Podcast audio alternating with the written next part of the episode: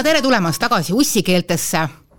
meil on täna sajas saade ja kuna Juhu. Keit ütles, et sajandal saatel me peame andma lõpuks sõna ka mehele, siis on meil täna stuudios mees ah,. Yeah. tere tulemast saatesse Sass Henna, sa oled ussikeelte esimene mees.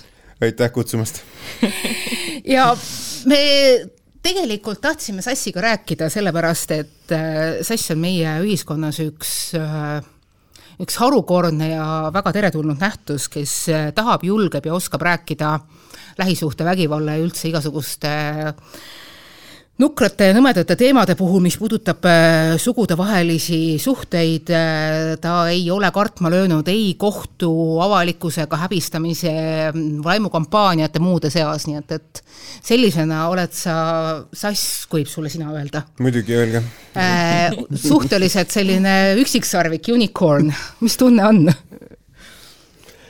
Ei tea, no selles mõttes, et eks ma ikka hoian, hoian nagu tagasi ka nende kohtuasjadega ja proovin, proovin nagu mitte, mitte ennast nagu vaeseks võidelda, aga aga sa oled üks mehi, üks väheseid mehi Eesti ühiskonnas, kes avalikult võtab sõna lähisuhtevägivalla vastu.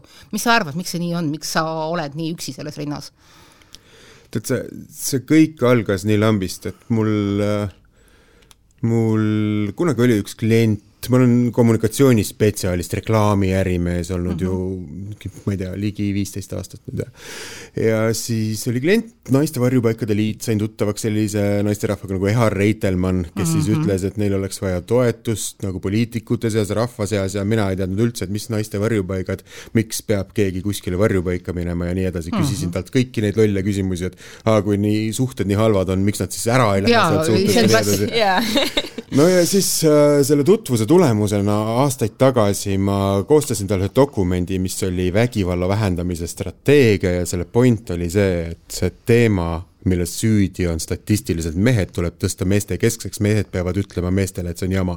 Eha ütles mulle selle peale, et väga hea, et nagu, et teeme siis, et leia need mehed, et kes hakkavad rääkima. ja siis ma käisin kõik oma tuntud tuttavad läbi ja kõige parem, mis ma sain, oli mõned normaalsed kutid nagu teleklippidesse mm. -hmm. aga keegi nagu ise kirjutama ei hakanud ja siis ma olingi nagu selline noh, olukorras, et kus ma pidin oma sõnade taga seisma ja siis ma kirjutasin, ma ei tea, kaks tuhat üksteist oli see, kui ma kirjutasin esimese artikli Päevalehte, et mingi prostituudi klient saagu ka karistada meil, et noh, et äh, lihtsalt see oli mul enda nagu põhimõte ka, et et ma olen prostitutsioonivastane nagu lapsest peale olnud või teismelisest peale, et ma ei ole kunagi aru saanud sellest, et et äh, kuidas me nagu kellegi mingite vajaduste rahuldamiseks nagu aktsepteerime seda, et see teise inimese nagu väärikuse saab kinni maksta või. ja siis ma kirjutasin sellest siis ma sain muidugi Eha käest hästi palju pahandada, et ma tõin seal artiklis näiteks võrdlusi, et äh, kliendid, kes tellivad naisi, kes on sama vanad kui nende enda tütred ja siis Eha ütles mulle ei, et feministlikus maailmapildis näiteks tütar ei ole mehe omand. et selles ei ole midagi halba, et näiteks mm. nagu noh, et sa tood tütre paralleeli või midagi sellist, et noh, et ei tohiks öelda, et nagu, et see on halb, et mehed ja tütrevanused naised ja, ja siis ma järjest õppisin Eha Reitelmanni kõrvalt õppisin ja, ja siis ma osalesin ka mingitel riigihangetel, kus olid vägivallavastased kampaaniad, juba koolikiusamise vastased kampaaniad. Ja kui minu, kuna minu lapsepõlv ise on selline ma olen vägivaldse üksikemaga kasvanud, et selline vägivallast läbi imbunud ja noh, minu esimesed mälestused mu vanematest on, kuidas isa lööb ema kuskil esikus vannitoa ees. ja noh, ma olin umbes kolmeaastane, kui nad veel koos olid, et siis mul on see ja kuidagi see vägivalla teema on mul nii sees ja mu loomingus on see sees ja see on mu enda iseloomus ja isiksuses kuidagi sees ja siis see enda impulsside ja sellise loomalikkuse kontrollima õppimine on sees, et ma olen nagu sellest nagu mõlemast poolest kuidagi nii läbi imbunud, et siis see kuidagi roll, et kui keegi mingit bullshit'i evib, et umbes, et see tunned ära? me ju ei näinud, et ta lõi või nagu ei tea ju, et kas ikka vägistas või, et ma nagu tunnen selle hästi teravalt ära ja siis, et et noh, kahju öelda, aga minus ei ole nagu selline, sellist aatelist feministi, et ma olen pigem, kui ma noh, näen, et nõrgematele tehakse liiga, siis mus aktiveerub see ise peksa saanud poiss kunagi mm. ja siis nüüd täiskasvanuna, kui ma olen selline tugev, mul on äh, kõlapinda mm, -hmm. mul on eelarvet mm -hmm. kohtus käia mm, -hmm. siis ma lihtsalt käin ja nagu mängin mm -hmm. nagu lolli selle nagu ühiskonna praeguse arengu äh, trepiastme peal et no ma ei tea, kas see on nagu normaalne, mis ma teen, aga nagu tore, kui teile meeldib, et noh, ma ise ka vahepeal noh, mõtlen, et ju on ikkagi hea asi lõpuks mm. -hmm noh, selline sissejuhatus. okei okay,, väga hea. Äh, ma korra toon siia paralleeliks äh, selle nii-öelda prostitutsiooni teema, me lähme no. veel hiljem teiste teemadega edasi, aga lihtsalt äh, ma ise kuulasin ühte podcast'i, kus osalesid niisugused kolmekümnendates mehed ja ja üks vanem meesterahvas, kolmekümne seitsme aastane, ja nad rääkisid sellest, et meil on tekkimas probleem, et noored mehed ei saa enam äh, suhteid, ei saa enam nii-öelda naisi, on ju. ehk siis naiste standardid on tegelikult nii palju tõusnud, et nad ei lepi enam selle sita käitumisega, mis mehed neile annavad. Nad ei lepi enam selle sita seksiga, mis mehed neile annavad. ja naised ongi hakanud lihtsalt nii-öelda tagasi tõmbama ja iseendale keskenduma. ja meil on tegelikult äh, selline nii-öelda, ma lugesin seda artiklit, kus nimetati epideemiaks seda, et meil on äh, noorte üksikute meeste epideemia, mida me teeme ja nende podcasterite lahendus oligi see, et me peame, noh, need olid USA podcasterid, me peame jälle legaliseerima prostitutsiooni. ja sellel koha peal mulle lihtsalt nii kihvatas, et mul on nagu nii kõrini sellest, et me lahendame meeste probleeme läbi naiste kui meil on probleem selles USA-s, et meil ei ole põhi, ma ei tea, et meil ei ole piisavalt sündimist või iive on madal ja me karistame naisi sellega, et me võtame neilt õiguse teha aborti, kui meil on probleeme sellega, et meil on mingid mehed, kes ei ole saanud piisavalt, eks ole, emotsionaalset intelligentsust äh, oma vanemate käest, kes ei ole saanud piisavalt hoolt ja sellist normaalset äh, üleskasvamist ja me lahendame selle jälle sellega, et me fucking äh, paneme naised tööle prostituutidena. et see ei ole enam lahendus me oleme kaks tuhat kakskümmend kolm aastas, me ei saa enam lahendada meeste probleeme läbi selle, et me fucking kasutame selleks naisi, see ei ole normaalne enam. mul on nii kõrini sellest nagu, sorry, ma olen nii emotsionaalne lausa. ei, see on, sul on jumala õigus olla selles mõttes, et noh, et äh, kui tõesti kuskil need mehed on, et ma usun, mina usun jätkuvalt, et see maailm on nagu hästi kirju, et on kuskil nagu mehed, kellel ei ole probleeme sellega, et olla nagu normaalne ja aktsepteeritud, aga samas on kindlasti täpselt seesama intselite kari kuskil just, olemas just. mingites foorumites, kes unistabki sellest, et noh, et võikski olla nagu selline koopaühiskond ja aga noh, ma käin ise ka see nädal näiteks kolmteist tundi, kolmteist loengutundi veetsin erinevate koolide ees, kõige nooremad olid seitsmeaastased, kõige vanemad olid gümnaasium. käisin, tegin oma loengute tuuri jälle, mul on viimane slaid alati selline, et kuidas lahendada seksuaalvägivalla probleemi Eestis. ja siis ma panin sinna kvoodi, et me ei pea kaitsma tütreid, kui me harrime oma poegi. ja see on üli fucking täpne point, et yeah. ja kui see jõuab varakult kohale minule ka keegi kuskil lapsepõlves ei rääkinud, kuidas see kohtlemine käib, et minu paaris suhtenägemus oligi see, mis ma oma ema, isa, ema järgmiste meeste ja, pealt täpselt. nagu nägin. aga mul on usk, et vastutus on äh, meestel nende kuriteoliikide ärahoidmisel, kõik selle nagu, nagu eetiliste küsimuste lahendamisel ja koolidel ka. mis on see, mis on see pilt, mida sa koolis näed? Sa ütled, sa oled äh, järjest nüüd koolides olnud, et, et kas on lootust uue põlvkonna poiste seas? muidugi on, ei ole koondpilti, on selliseid äh, üksikuid juhtumeid, mida ei aita inimene on nagu nii kinni ja nii kaitses ja see võib olla õpilaste hulgas, see võib õpi, õpetajate hulgas wow. olla, aga need on üksikud juhtumid. olukord koolis, mina lõpetasin kakskümmend aastat tagasi, on ju, Keska, ja olukord koolides on täna kindlasti parem äh,, teadlikkus võrdõiguslikkuse suhtes, teadlikkuse inimõiguste suhtes, kindlasti parem kui minu ajal, eelmise sajandi lõpul, kus me romantiseerisime veel seda üheksakümnendaid, vaseäri ja mida iganes, et noh, et hoopis teine, et kindlalt läheb paremaks.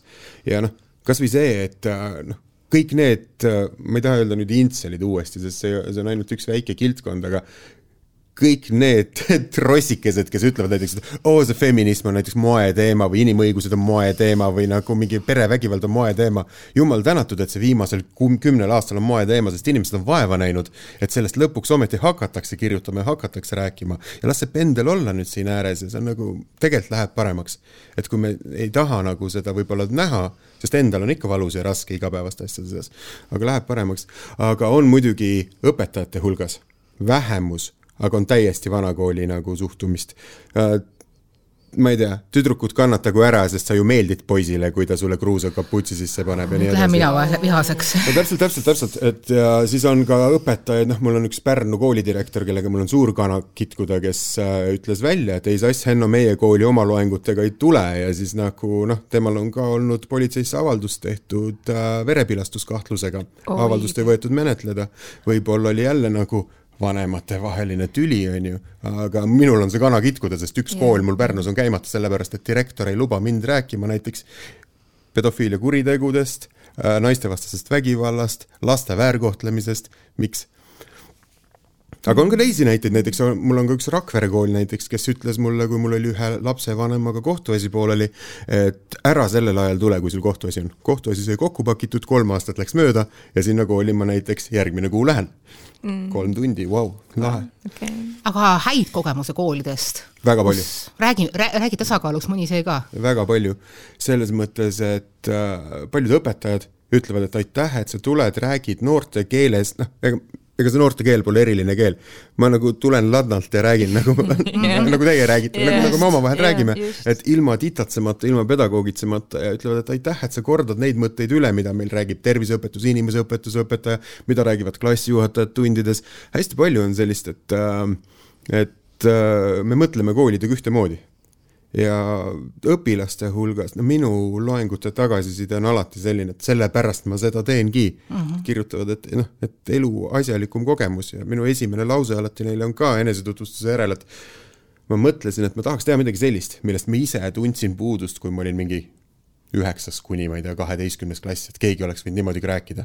mitte, et ärge tooge mulle kirjanikku, kes loeb oma kuradi loomingut ette ainult noh mm jaa, ma pean ütlema, et äh, mina isiklikult olen natuke nagu närvis või äh, kuidagi ootusärev nende noorte meeste osas, sellepärast et äh, mulle tundub, et meil on jällegi probleem selles, et nendel noortel meestel ei ole eeskujusid.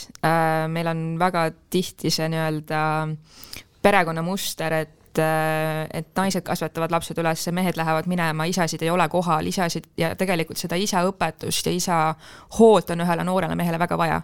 ja seepärast äh, sageli need noored äh, mehed lähevadki otsima neid eeskujusid kuskilt väga valedest kohtadest.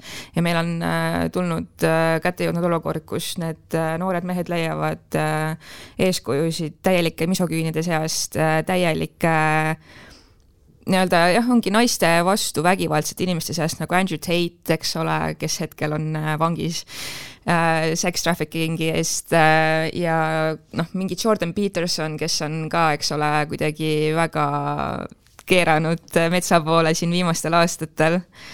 See on problemaatiline, näiteks ma ei uskunud, et Zeitil on Eestis erilist kõnepinda, aga ometigi sattusin ma ise paar päeva tagasi äh, just ava, just ava, vabandust, sattusin paar päeva tagasi just loodud internetigruppide peale, kus oli hoolimata mõnest tunnist juba mitusada inimest, mille eesmärk oli näidata, kuivõrd vinge mees on Andrew Tate, sest et tal on uhked autod.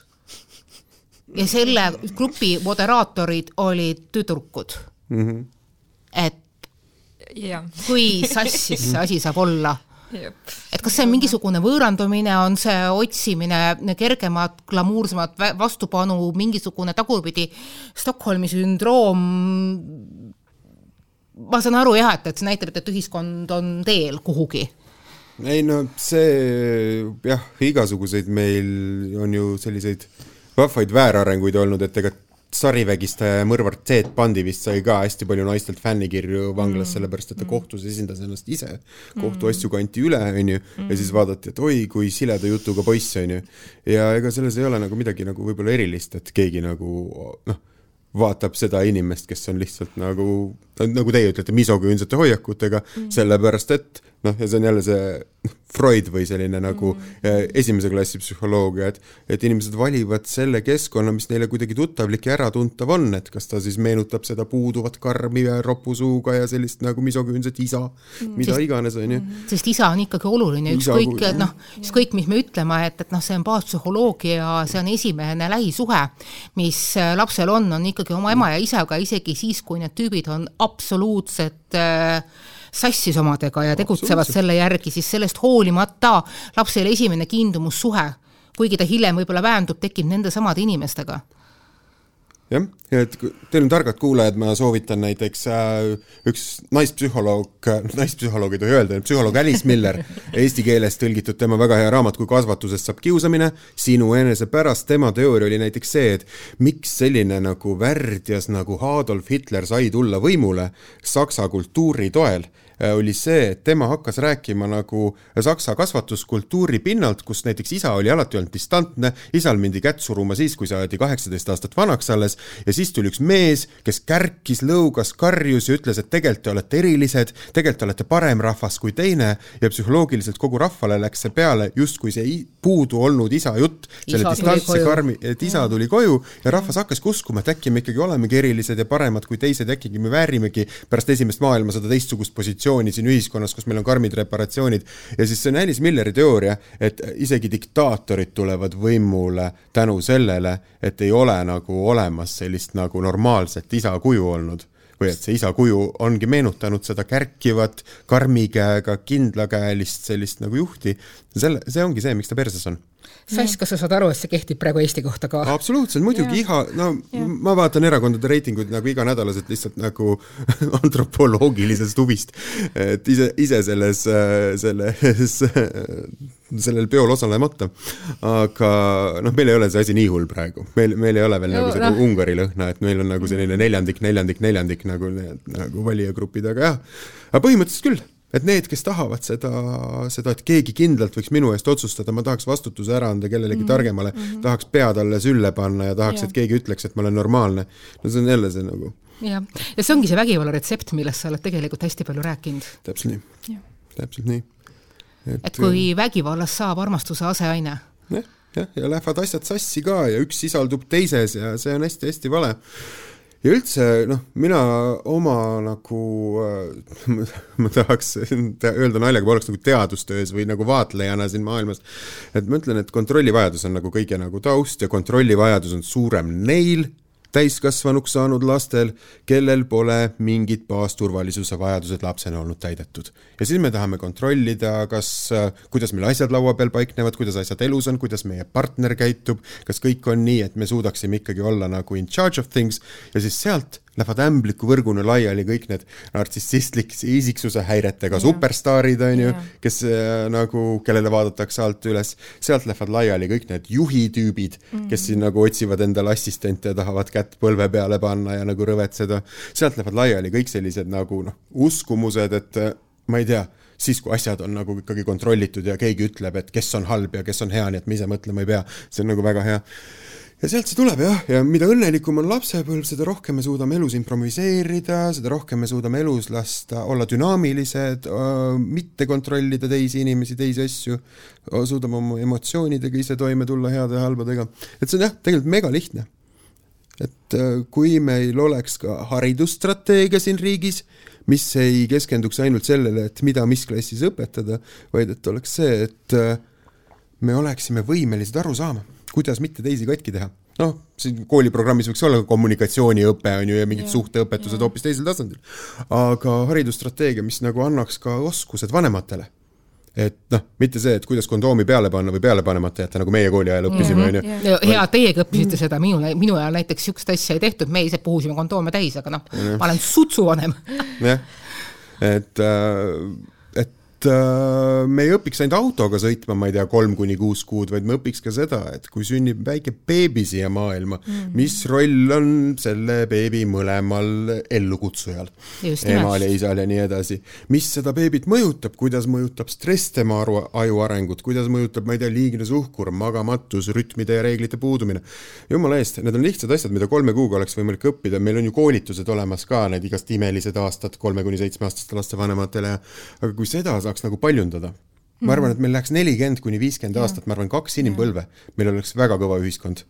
et ja. tegelikult see nagu, aga lihtsalt puudub strateegia, puudub ja. nagu suur pilt et noh. jah, täpselt. ma pean ütlema, et mina hetkel nagu olen isegi nagu kuidagi õnnelik, et meil iive on madal et meil väga palju inimesi ei sünni, sellepärast et ja, selle tõttu meil tuleb vähem neid katkiseid inimesi, sellepärast et minu arust ka me peame alustama sellest, et me ravime terveks need täiskasvanud inimesed, kes pea-, noh, peaksid lapsi saama, on ju. et äh, me näitame neile ära need negatiivsed käitumismustrid, mis nende enda vanematelt on tulnud, et nad ei teeks neid samu vigu enda mm. lastega. ja see on tegelikult väga selline teadlik lähenemine ja mul on, mul on ka tunne, et meil on sellest väga-väga palju puudus. ja me ei saa niimoodi edasi minna, et lihtsalt äh, me räägime sellest, kuidas nii-öelda materiaalselt või ma ei tea, kuidagi füüsiliselt lapsi kasvatada, mis neil on vaja, mingi mähkmed ja toite, mis iganes, on ju, meil on vaja seda, kuidas, just, kuidas me saame teha nii, et meil tuleksid vaimselt terved indiviidid nendest lastest. ei, selle asemel tehakse meil niimoodi, et sa pead kohe alguses kolmikut saama. Mm. Aga mida ma tahtsin kuulan teid ja mõtlen, et, et äh, on hea, kui asjad hakkavad tegelikult niimoodi paremaks minema, aga teistpidi jällegi endiselt on nii palju seda, et, et jah, kõik on hea, aga teeme nüüd niimoodi, et, et ärme ikka nendest halbadest asjadest nii detailselt räägi, me võime rääkida üldiselt, aga me ei või jah, rääkida juhtumitest, me räägime sellest, et kusagil kaugel on midagi valesti, aga me ilmtingimata näitame, kuidas meil enda õue peal on kõik asi tohutult korras. et kui me saaksime selle, meil on ilmtingimata, peab asjad korras olema, kihi maha võtta, et juba see oleks tegelikult hästi positiivne me saaksime edasi minna. et sina, Sass, sa oled julgenud rääkida sellest, julgeda tunnistada, kus kohas sinu, sinu kasvatuse need võib-olla natukene krussis juured on, et aga Eestis igaüks, kes tuleb välja oma isikliku looga, ka mina olen oma isikliku vägivallakogemuslooga välja tulnud, see esimene asi, mis ta saab, isegi mitte kohtuähvardus, vaid esimese asjana öeldakse, A, sa tahad tähelepanu saada, B, sa tahad mingit pidi äh, meist parem olla, mis on kõige fucked up asi üldse, mis saab olla, ja kolmas, sa ilmselgelt valetad see ei ole võimalik, et niisugune asi olemas on. paneme pea alla ja mõtleme, et ei ole olemas hästi sage enesekaitse, selline kollektiivne enesekaitse jah, et et seda on ju räägitud ka, et miks inimesed tahavad uskuda ilusamat pilti või ei taha võtta vastu nagu sellist nagu informatsiooni, mis võiks nende jaoks olla kuidagi selle maailmapilti lõhkuda, et on, on sellised isad või meie peres on selline isa olnud või selline kasuisa näiteks. kuna minul ei olnud, siis see ei ole võimalik. see on minu lemmikpõhjendus. ja ma tegelen vägistamislugudega näiteks, kus on noh, kakskümmend inimest on majapeol, on ju, üks ütleb, et äh, teda vägistati, aga üheksateist ütlevad, et oli väga hea pidu. ja, ja siis kõik kuulavad seda, ma olin ju ka seal peol ja ei olnud seal mingit vägistamist. ei pandud seal kellelegi korki. et äh, see on jah, selline meie nagu nagu ühiskondliku arvamuse kujunemise mikromudel et mm -hmm. kui, kui minul ei ole kogemust või ma ei taha uskuda seda kogemust, siis ei ole olnud. noh, minu jaoks, kui te tahate nagu natuke verd ka siia saatesse, siis näiteks üks viimane lugu oli see, et et äh, poliitikud teevad aeg-ajalt sitta ühiskonnas, on ju, korraldavad mingit jama. ja siis see tuleb välja ja alati, kui tuleb välja poliitikul mingisugune luukere või jama või et kas ta on nagu, ma ei tea äh,, perekonnas väärkohtlejad, on naisepeksja, ta on mingisugune pedofiilsete huvidega ja siis teine pool alati rõõmustab ja see oma pool, oma meeste pool iial ei suuda seda uskuda ja nii edasi. ja ma olen isegi sellist metamorfoosi nüüd kogenud sellel aastal, et äh, mitte sellel aastal, aga just nagu eelmisel aastal, et kõik need, kes tulid mind kunagi tänama, kui ma kritiseerisin ühte poliitikut nagu nende vastasleerist, et oi, sa oled nii julge ja sa tead ja sa uurid välja tõe ja nii edasi.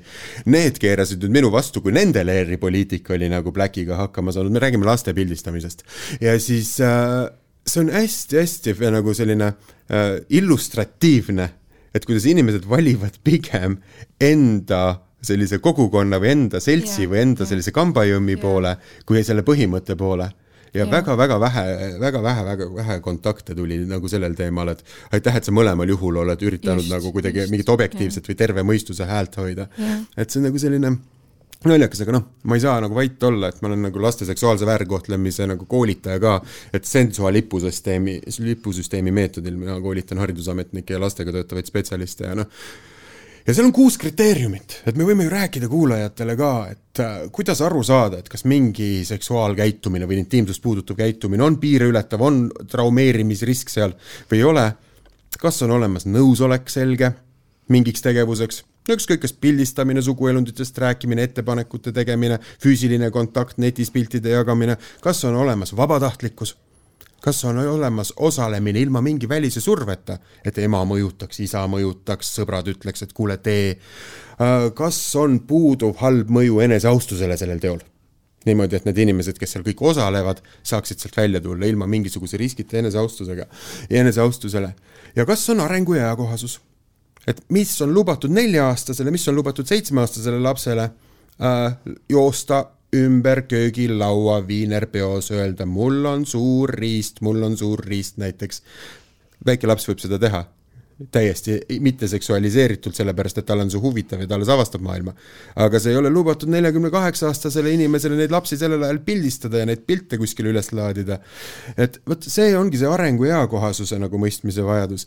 ja vot sellised kriteeriumid, kui me hakkame nagu analüüsima nagu seda nagu tegevuste mõju, me saame ju aru, kes on valesti käitunud. aga siis, kui me lihtsalt võtame nagu mingi sellise pimeda poole, et ei see kasuisa on ju nii normaalne, see isa on nii normaalne, mu sõber on nii normaalne, siis me jõuamegi sinna nagu, ma ei tea, kas paradoks on üldse õige sõna selle kohta, aga ma kogu aeg kasutan seda, et iga naine teab kedagi Eestis, keda on vägistatud, iga mees ei tea kedagi Eestis, kes oleks vägistaja. Vot, et seal läheb see lõhe, et minu sõbrad ju rääkisid toredast majapeost kuskil Marxi suvilas, on ju, et noh, ma ei tea, seal olid need lohakad ka kohal ja see Riina magas seal kõigiga aga tegelikult me kuskil mujal reaalsuses lahendame grupiviisilise vägistamise lugu äh, mingite ainete abil mürgitatud riinaga. nimed on välja mõeldud jah ja, ja, absoluutselt kõik, äh, kõik juhtumid on kaugelt refereeritavad aga mul on see küsimus, et, et kust sa selle energia võtad? mul ei ole mingit energiat, mul ei ole, päriselt, ma võin teile ausalt öelda. mille, aga mille najal sa elad? Utropioon sada viiskümmend milligrammi iga päev juba kaks aastat, Äh, varsti noh, lihtsalt oma laste nimel tahan olla ülitihti kahtlen endas, ülitihti tahan minna siit maailmast ära. Ja see ei ole nagu üldse selline, ma ei viitsi isegi enam nagu mitte rääkida sellest, et see on selline tegelikult peabki ütlema, ega ei olegi energiat, oma asjad jäävad tegemata, mul on mõned head turunduskliendid näiteks, täiesti piinlik, kes peavad kolm korda kirjutama mulle, et Sass, kas me saame selle kampaaniaga nüüd töösse minna? Ja siis noh, mul on nagu kuidas te mind üldse veel talute? aga kuidas sa oma tassi täidad? see on see loll küsimus. ma ei tea, ma ei tea, ma, ma ei ütleks, et mul tass üldse täis on. ma arvan, et mul on tass täis täiesti tühi, et nagu ma tahan kuidagi noh, kuidagi funktsioneerin lihtsalt selle pealt, et ega ma, ma ei ole ju kaheksakümmend, et ma vaatan oma näiteks äh, isa, kes on praegu kuuskümmend seitse, tema ütles, et pension on välja mõeldud põhjusega, et see on tõesti aeg, kus sa enam ei jaksa midagi teha eriti tema ütles mulle sellise lause umbes, siis mõtlesin, kurat küll, et mul on praegu juba see aeg, et ma ei jaksa enam eriti midagi teha. et äh, noh, see, see ongi niimoodi, et aga muidugi vahepeal teen city break'i, käin, loen raamatut Itaalias kolm päeva lihtsalt, et Kaire Talviste rahumeelne lahu- või arukas, arukalt lahku. Läksin mm. Itaaliasse, lugesin raamatu läbi kolmsada lehekülge lihtsalt, sest Eestis ei saa raamatut lugeda, sest ei ole aega, vaata mm. Ryanairi piletid kakskümmend kaheksa euri tükk, lähen raamatut lugema. see on väga hea diil. naeran, naeran sõpradele ka, et näed, et noh, et see ongi, kas see on siis see tassi täitmine või, siis lähed mm kuskil kanali kõrval, see nagu ma ei tea, tartarri ja mõtled, et ah, pohhui, et elan veel aga ongi raske, ongi. Ja siis äh, ega lähedastele ju ka ei taha kogu aeg pinda käia, nagu mul on hästi palju, hästi palju mitte tuttavaid, aga mõned tuttavad, kes ongi nii, et ei taha teada.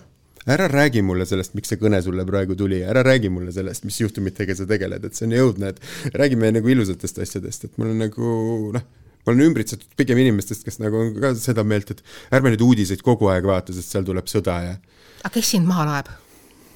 ma ei tea ma ei tea, ma nagu, ega te olete ju ka näinud kindlasti, et kuidas ma vahepeal sõiman kuskil Facebooki kommentaarides mõnda prokuröri, kes on mõnda vägistajat kaitsnud ja nagu ka, käi-, kasutan labaseid sõnu ja olen ebaviisakas ja nimetan Twitteris kedagi jälle limukaks ja midagi sellist, et ega noh, mul on ka kuskil, kuskil see nagu tavalise Eesti mehe viha sees, et mhm. kirjutan kuskil netis, et keegi on värdjas ja noh, et see ongi võib-olla see mahalaadimine või noh, mhm. ja vahepeal on hästi üksik tunne ja siis keegi helistab kuskilt ministeeriumist või mõni psühholoog ütleb, et aitäh, et sa olemas oled ja et sa rääkisid mu kliendile ja sa suunasid kellegi ja ja siis on jälle selline tunne, et okei okay,, elame veel, et mind on vaja ja ma nagu toimin ja et ei ole ainult nagu kõik nagu see, mis ma teen, nagu jama ja siis tuleb jälle mingi teine laine, nagu elu käib lainetena, on ju, siis vahepeal on jälle see, et mida ma üldse teen nagu, et sa pead ootama järgmise laine ära, just see, et, et kui sa adud, et, et tegelikult ja. on see sinu soid, et, et noh, et see on sinu soid, jah. et samamoodi, kui see on, asi on all, siis ühel hetkel peab asi minema ka ülesse mm.. aga me räägime keskmisest tüüpilisest äh, keskealisest e-, Eesti mehest. mis seda päästaks? keskmine mees, keskmine mees, see on nagu huvitav jah kes ei taha hästi uskuda, kes äh, mõtleb, et äh, et naised kiusavad teda ja äh, naisõiglus on välja mõeldud mingisugune uue maja magustoit, mida kurat teab, mis lusikaga süüa, kes äh, tahaks saada tagasi mingisuguseid kummalisi või vanu häid aegu, mis pole kunagi olnud. Siis tuleb oodata, millal ta vaikselt minul ei ole lootust, ma ütlen ausalt, mul ei ole lootust ja sellepärast ma hakkasin koolides käima ka. et sellepärast ma ütlesin, et ainult kooliloengud, ainult noortele, ainult sõnumiga, et see, mida te kodus näete, ei ole õige pilt. et jätke lihtsalt kuskile kuklasse see, et see, mis mustrit te kaasa võtate, kindlalt võtate, see ei ole õige. et mul ei ole lootust sellele, ma, ma, mul on isegi oma tuttavad, mõned noh, ma ei tea mõtlen Pärnu jahtklubi peale näiteks praegu.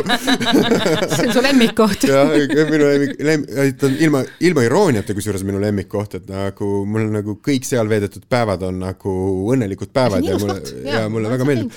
aga seal on ka see, et kui ma räägin lihtsalt oma nagu heade tuttavatega, kes ütlevad jah, et noh, et et praegu on jah imelik nagu, et vaata, sa võtsid siin sõna kellegi suhtes, kes oli kriminaalkorras süüdi mõistetud oma raseda naise nagu korduva nagu peksmise eest ja ja ega see kõigile ei meeldi, on ju, et tänapäeval suhtud suhtutakse kuidagi imelikult sellesse, et kui sa oma rasedat naist peksad, et see on nagu pahaks pandud, et nagu sõpradega nagu või noh, inimestega, kes on nagu muudel teemadel minu poolt, siis satun sellistesse dialoogidesse aeg-ajalt, et, et vot jah, tänapäeval on imelik, et nagu, et ei taheta nagu, et kuidas mõistet-, mõistetakse hukka sellist käitumist, on ju.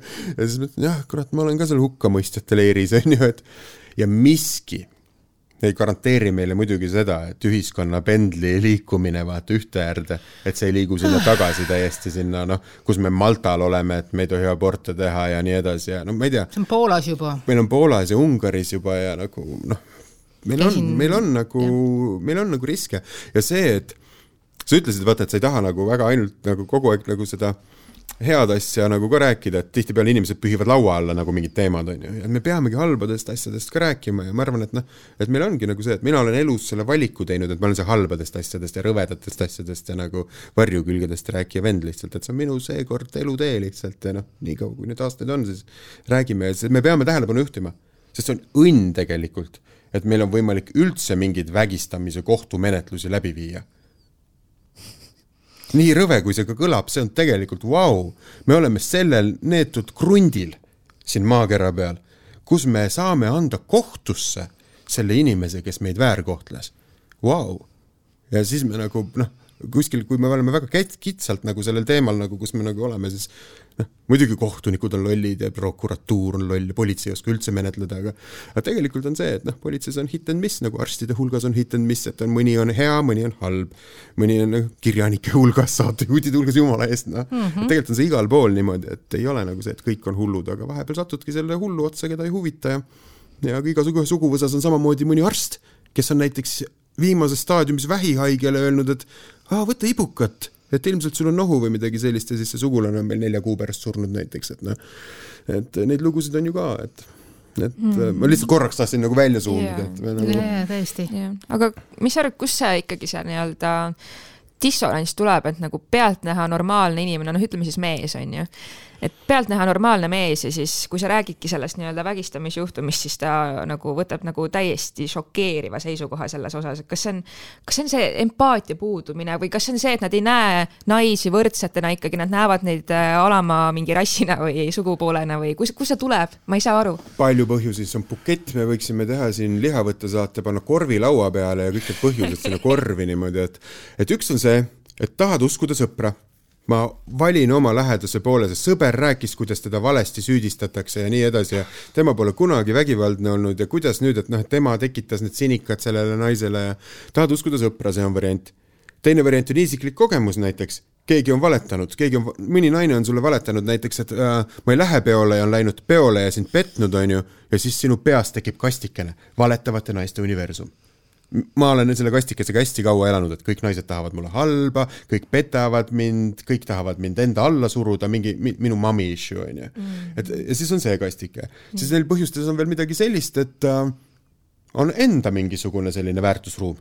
kuule, mis siis on? tõmbasin juustest, andsin lahtise käega vastu nägu, ütlesin, et ole vait, ta oli vait, ta ei karjunud, ei, mis vägistamine see on?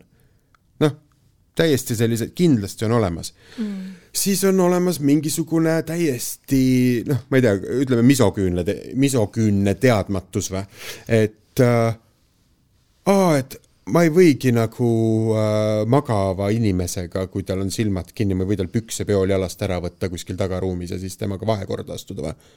ei või või? Mis asja, ma oma, oma esimeses, teises ja kolmandas suhtes kogu aeg tegin seda ja nüüd ütlesin peole ei või või? nüüd olen järsku korgivägistaja või? et noh, et on täiesti selliseid nagu no. case'e ka, et ja, ja muidugi see Romet on ju normaalne tüüp, no tema ei ole ju mingi vägistaja, no issand jumal, ta magas selle litsi leenuga, onju et noh, ja siis hakkab see jutt jälle peale, on ju, et kuidas Romet ei ole midagi teinud, naised mõtlevad välja ja nii edasi.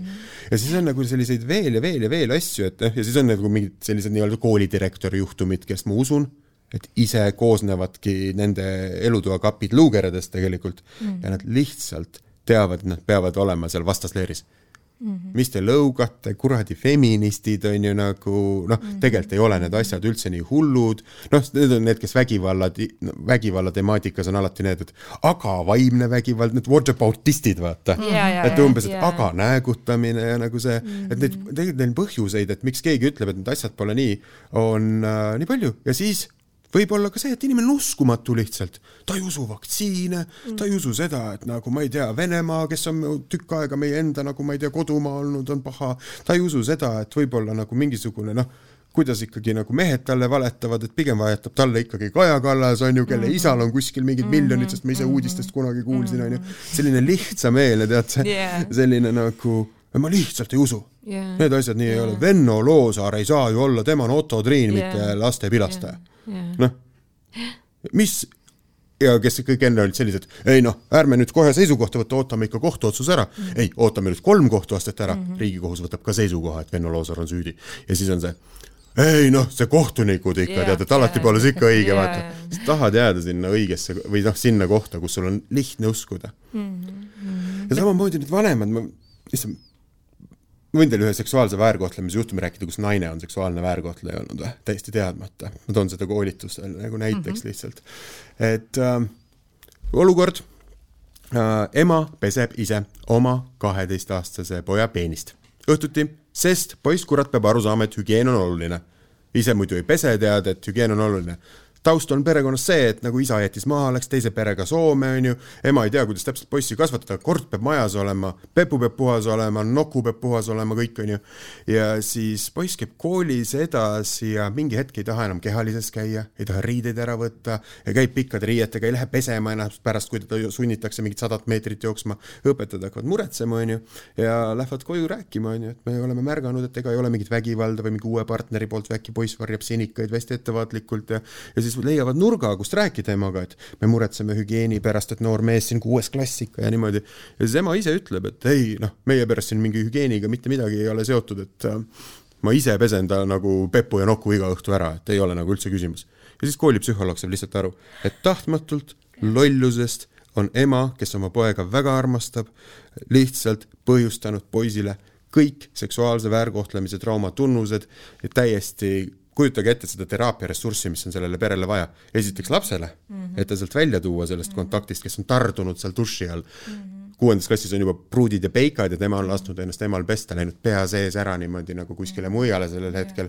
ja sellele emale, kui ta ühel hetkel hakkab aru saama, mida ta on oma rumalusest teinud ja kas ta on võimeline vastu võtma seda nagu näidet, et jah, ma olin nii loll, ma ise tekitasin või ta ütleb, et kust sellest asjast nüüd see küll ei olnud, poisil on lihtsalt lahutust raske üle elada ja mingi puberteet ja on vihane ja pikad riided ja nii edasi.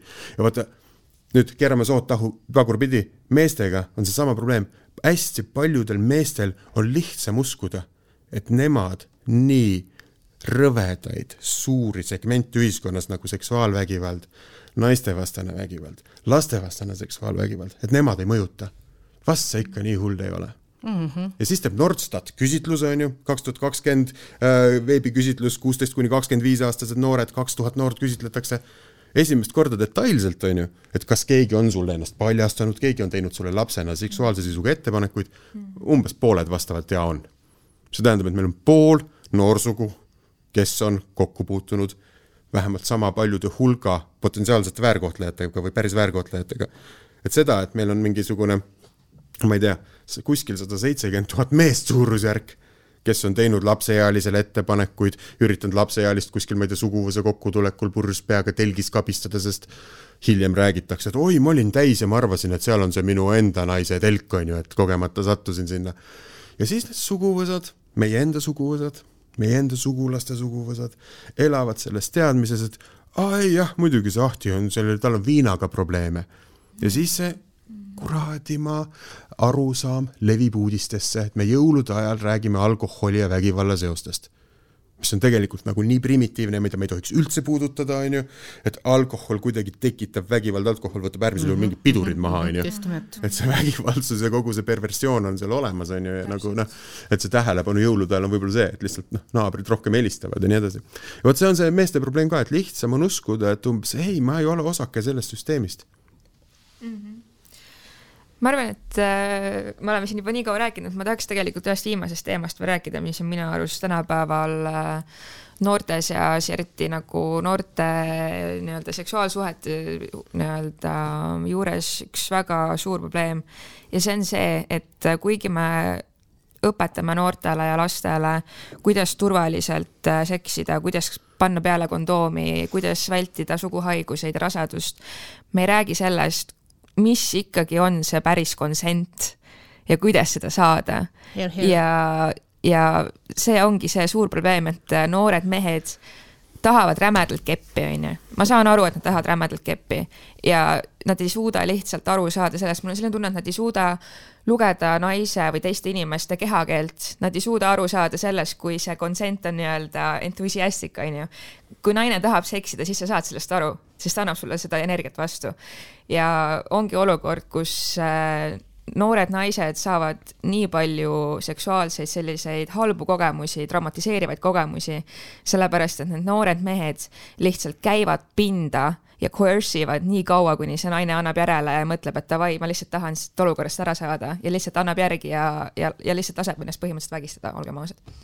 kuidas me liigume sellest probleemist edasi, meil on vaja selle probleemiga tegeleda mul on lihtne lahendus ja keeruline jutt ka selle kohta. et ma räägin, ma räägin consent'ist ise ka ja see ongi see ongi äh, probleem. Ja me peamegi rääkima, me peame harima, mis asi on consent. mina neljateistaastaselt seitsmes klass oma kasuvennaga, keda ma vennaks kutsun ja nagu noh, ise arutasime seda, et oi, et kui me saaks nagu tema klassis ühe suurte tissidega tüdruku enda juurde kutsuda, et huvitav, kas me läbi une saaks tal tõmmata nagu särgi üles, et tahaks neid tisse nii väga näha. Ja arutasime, arutasime, arutasime, meil ei olnud kunagi keegi öelnud, et seda ei tehta et meil ei olnud kunagi keegi seletanud, et see võib olla traumeeriv. ja see on see, et ma arvan, et neid mehi on miljoneid, kellel lihtsalt ei ole nagu seda teadmist, et haridus aitab. aga üks asi, mis aitab ja see aitab tegelikult ka natukene, noh, ma ei tea, teile võib-olla ei meeldi, aga aitab ka seda vastutust jagada, minu arust me peame selle süütuse kaotamise mõiste ära muutma, see ei ole oh, minu originaalne idee, vaid me peame nimetama selle seksuaaldebüüdiks et lapsed yeah. hakkavad valmistuma oma seksuaaldebüüdiks yeah.. sa võid teha trenni kuivalt, sa võid nagu ise mõelda, milline sa mm -hmm. tahad, et see su see yeah. debüütkontsert oleks yeah., et täpselt kellega, kuidas, nii poisid kui tüdrukud mm. -hmm. et see on see, mida sa ehitad üles ja kellega sa tahad ja iga viimane, kui ma ei tea, Rene Rainer ei ole seda väärt, on ju. Mhm. ja samalt poolt ka see, et et see Rene Rainer mõtleks ka, et see auto tagaiste või klubi tagaruum või mingi pinnaka ärklikorrus kuskil mingisugustel madratsitel või et see nagu, kus me tegelikult neid süütuseid nagu kaotame, et see, me peame selle kultuuri nagu ära muutma. Yeah.. et see ei ole asi, millest sa tahad lahti saada, et siis edaspidi hakkab kuidagi parem, et kannatame selle esimese vastiku ära või las see esimene olla see nagu ma ei tea, äh, see meie küla Mari on ju ja siis ma lähen maailma vallutama, et mis on kuskil meeste peas, sest selline nagu ma arvan, imelik asi, et tahaks ka nagu süütust kaotada ja et me peamegi ütlema, et see on see midagi sellist, milleks sa ennast harid, enda keha õpid tundma ja siis mm -hmm. valid selle kellegi. ja see ei ole nagu see koht, kus lihtsalt see nagu kaelast ära saada ja ma näen seda noh, kui noh, suhtlen nagu noorema no,, noortega koolides ja niimoodi, et see nagu, see süütuse kaotamise surve on nagu nii neetult kaelas ja sellele annavad omakorda kütet igasugused, ma ei tea, Netflixi sarjad on ju popkultuur, kõik see, et ma tahan meheks saada või ma tahan naiseks saada, on ju. et meheks saamist ei defineeri see, kas sa oled olnud kuskil oma peenisega kellegi vagiinas. absoluutselt, ja naiseks saamist ja ka naise, mitte. naiseks saamist vastupidi ei defineeri samuti see, et kas keegi on olnud sinu vagiinas või mingis muus kehaosas et see on nagu see, et me peame selle ära kaotama, et hoopis see, kui sa oled nagu valmis, kui sa võid, võid seda lükata edasi mingi hetkeni, kui sa tunned ennast väga kindlalt ja siis, teades ka neid riske, et võib-olla nagu armastus kaob ära ja nii edasi, siis vähemalt sulle eluks ajaks nagu noh, ma ei tea, ma ei taha nagu okei okay,, ma lõpetan komplimendi, mul on kaks last ja neil on erinevad emad ja ma ütlen, mul on laste emad olnud inimesed, keda ma olen nagu äh, sellel ajahetkel kõige rohkem armastanud ja kellega on nagu kuidagi olnud selline nagu äh, kõige parem klapp ja isegi tänaseks, kui me koos ei ole, siis ma olen nagu ja me ei mõtle asjadest, maailma asjadest ka ühtemoodi kõiges, aga ma olen nagu nii õnnelik, et just nemad on olnud need, kellega ma olen saanud kaks fantastilist poega, sellepärast et see on olnud selline nagu äh, mõte, et see tunne, mõte ja otsus peavad kõik olema õiged ja ma arvan, et noortele nagu noh, ma ise räägin oma loengutest seda ka, et see nagu süütuse kaotamine on nagu bullshit kontseptsioon mm. -hmm. et see tunne, mõte ja otsus peavad olema õiged ja noh, see, millest sina muidugi rääkisid, et pinda käia ei tohi, terroriseerida ei tohi, välja pressida ei tohi mm, -hmm. äh, jõuga peale suruda ammugi nagu ei tohi, et kõik see, et see käib sinna juurde lihtsalt yeah.. ja see on jälle selle lipusüsteemi kuue kriteeriumi, see kuues kriteerium, et mida mina poistele alati oma loengutes lõpus rõhutan, et mis te iganes teete, tüdrukute või poistega ma ei küsi, meeste või naistega ma ei küsi, aga et puuduks halb mõju teise eneseaustusele mm. -hmm. et ta tuleks sinu voodist alati hea tundega ära, et ta tuleks sinu juurest alati hea tundega ära, et te läheksite alati isegi lahku hea mhm. tundega, et sa ei oleks seda saavutanud valetamise, manipuleerimise, jõuga, petmisega, pealekäimisega, nii edasi. ma arvan, et see on üks väga hea tunne, millega praegu see väga huvitav saade lõpetada. aitäh sulle, Sass! aitäh kutsumast, muidugi. Ja tšau. Ja ussikeeled tulevad jälle järgmine nädal, palun kirjutage meile, andke meile teada, mis te arvasite meie saatest, äh, rääkige meile lugusid, me tahame väga hea meelega teie lugusid edasi arendada, edasi rääkida, analüüsida. Ussikeeled.ohtuleht.ee just, ja hakake meid jälgima ka Spotify's, äh, SoundCloudis ja Facebookis, et ei jääks uutest episoodidest ilma. Ja järgmise korrani.